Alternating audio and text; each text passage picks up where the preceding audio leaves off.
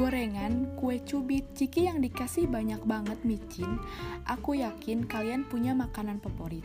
Dan sekarang aku mau ngobrol tentang pengalaman aku di mana hidup lebih mudah dan pengalaman di